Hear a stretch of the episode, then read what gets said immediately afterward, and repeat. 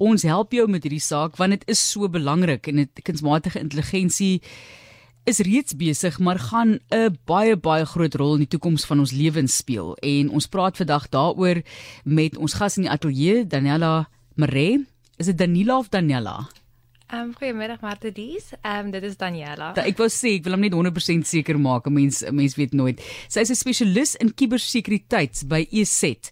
En ons kyk na kubersekuriteit in 'n tyd van kunsmatige intelligensie. Maar Daniela, jy moet nou 'n bietjie help. Want die oomblik is 'n mens hoor kunsmatige intelligensie. Dis 'n konsep wat so ver verwyder is van baie mense se realiteite. Nie almal sit voor die rekenaar en speel met hierdie chat chat GPT kunsmatige intelligensie nie het nie eens toegang tot die internet nie. Gee net vir ons 'n idee wat is kunsmatige intelligensie? En jy weet mense dink nou aan allerlei goeie soos Robocop en Okay, ja, wat die so, rigting ek nou wil beweeg daarmee nie.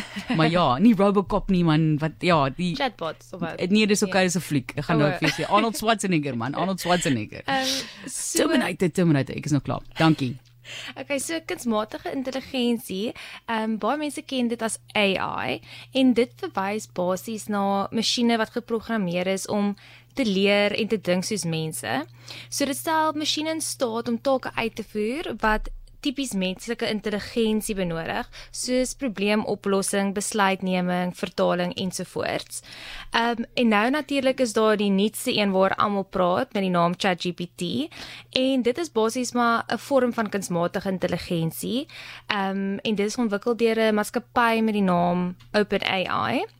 En in die eerste 5 dae wat dit ehm um, uitgebring is, het dit al meer as 'n miljoen ehm um, opskrywers gehad. So basies wat hierdie platform doen, 'n lekker voorbeeld dalk is um as 'n skoolier byvoorbeeld 'n taak moet doen oor soogdiere waar hulle in die verlede um vir ure op Google moes navorsing doen oor soogdiere, kan hulle net gou-gou die vraag insit op ChatGPT, presies vir ChatGPT vra wat hulle in hulle taak wil hê en dit gee dan vir hulle 'n volledige taak uit. Hulle hoef nie eers ja, hulle hy skryf letterlik die taak vir jou. En jy praat nou o, ure op Google dink ek regtig.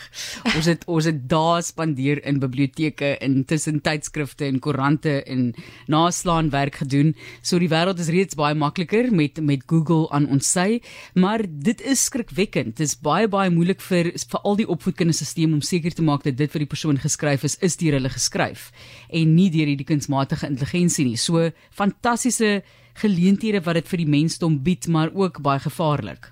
Ja, presies soos wat jy daar ehm um, gesê het, die wonderlike ding is dat ons kan dit gebruik as ehm um, in die werkplek en vir take en um projekte, maar ongelukkig kan kubermisdadigers dit ook gebruik um tot hulle voordeel. En 'n voorbeeld van um hoe hulle dit wel kan gebruik waarop ons vir die, op die uitkyk moet wees is um hulle kan dit gebruik om uitvissingsboodskappe beter te skryf as voorheen. Goed, so, dit is nou bedrogboodskappe, phishing ja, en daai tipe van goed. Dit is maar daai e-pos wat jy kry in jou inbox en wat sê jou jy nou dringende inligting wat by jou bank opgedateer moet raak en hier klik jy op die ehm um, webwerf en dan was dit eintlik 'n uitwissingsboodskap. Ja. En ehm um, kunsmatige intelligensie maak dit net soveel makliker. Moet nooit daarop klik nie mense, net gou baie vinnig, nooit ooit ooit klik op 'n skakel wat sê kom gou ek het nou vanoggend weer ingekry van 'n aanlyn stroomdiens wat sê jou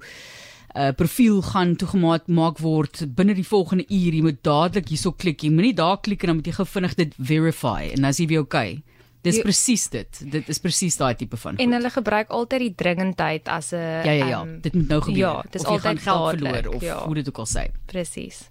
Gaan voort. Ek wil dit net benadruk want mense vergeet.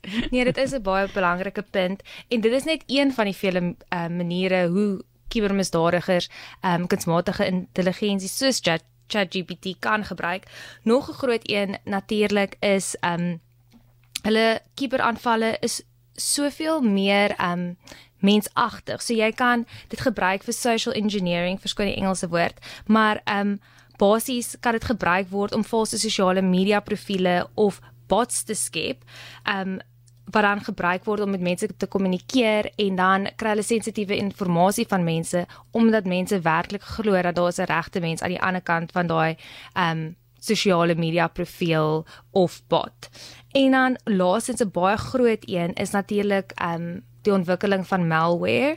So um as jy byvoorbeeld op ChatGPT is en jy ehm um, tik in asseblief skep vir my malware, sal dit terugkom met 'n antwoord wat vir jou sê, ehm um, dit is nie iets wat ons ondersteun nie, dis oneties, dit kan eintlik baie skade verrig en dis eintlik onwettig in baie lande. Maar ongelukkig het kubermisdadigers al so slim geraak dat hulle dit al geleer om on, om daai beperkings te werk. So al probeer programme soos ChatGPT dit verhoed, dring hulle nog steeds deur een of ander manier met tyd.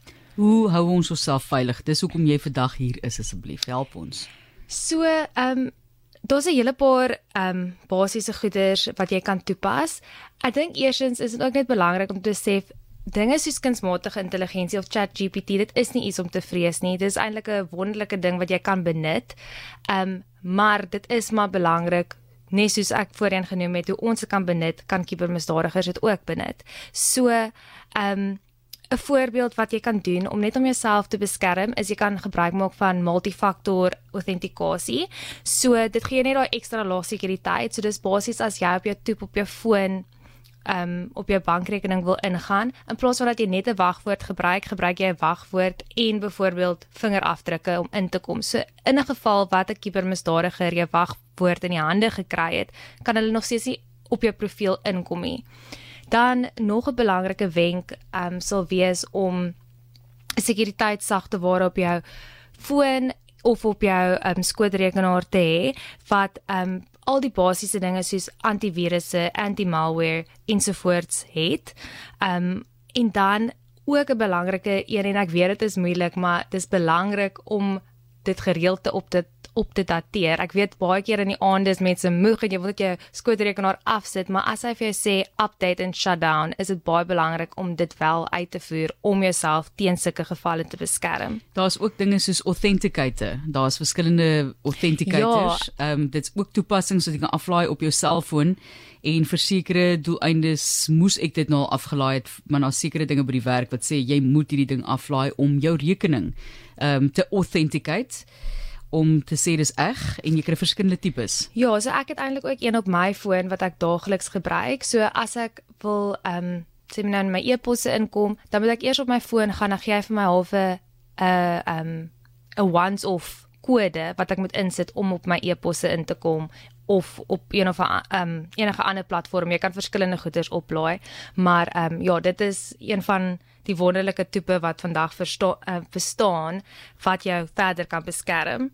En dan ehm um, nog 'n punt wat ek wil net voeg is dat jy moet net op datum bly met tegnologie en wat daar buite is, want as jy weet wat daar buite is, is jy ook meer bewus hoe om jouself te beskerm en waar teen om jouself te beskerm.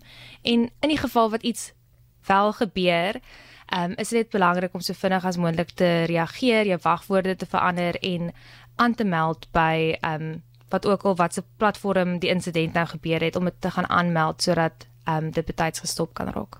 Sterkte almal met hierdie nuwe wêreld wat ons osself in bevind het eintlik so 'n bietjie uit die bloute uitgekom met die chat GPT. Daar's nou verskillende weergawe ook nou al wat na vore gekom het. Sekere wat beter is as ander en beter werk vir sekere doeleindes, maar dit is die wêreld van kunsmatige intelligensie wat 'n groot groot deel gaan word van ons wêreld of of jy nou wil of nie. En Daniela Maree het vir ons gehelp om onsself veiliger te maak in terme van kubersekuriteit.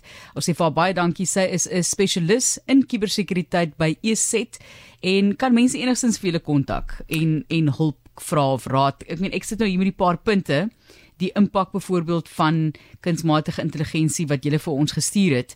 So ek kan dit ook vir mense aangee, maar kan mense by julle aanklop help? Ja, enige tyd. Ehm um, ons het ook baie inligting op ons webwerf. So dis www.eset so e s e t .com/za. Ehm um, en wat ook nogals ehm um, wonderlik is op die webwerf is daar ook ehm um, 'n bladsy met 'n klomp ehm um, blogs en ons het ook 'n um, webwerf met die naam We Love Security en ons skryf gereeld oor alle relevante um, onderwerpe in die industrie in met, te doen met kunsmatige intelligensie en sosiale media platforms en wat daar buite aangaan. So dis ook 'n wonderlike manier om jouself net op datum te hou met wat daar buite is en dan natuurlik het ons ook verskillende sekuriteits um sagte ware um wat jy ook op ons webwerf sal sien wat jou sal beskerm teen baie, baie dankbaar baie dankbaar vir julle hulp Sterkte op met die werk wat jy doen. Baie dankie.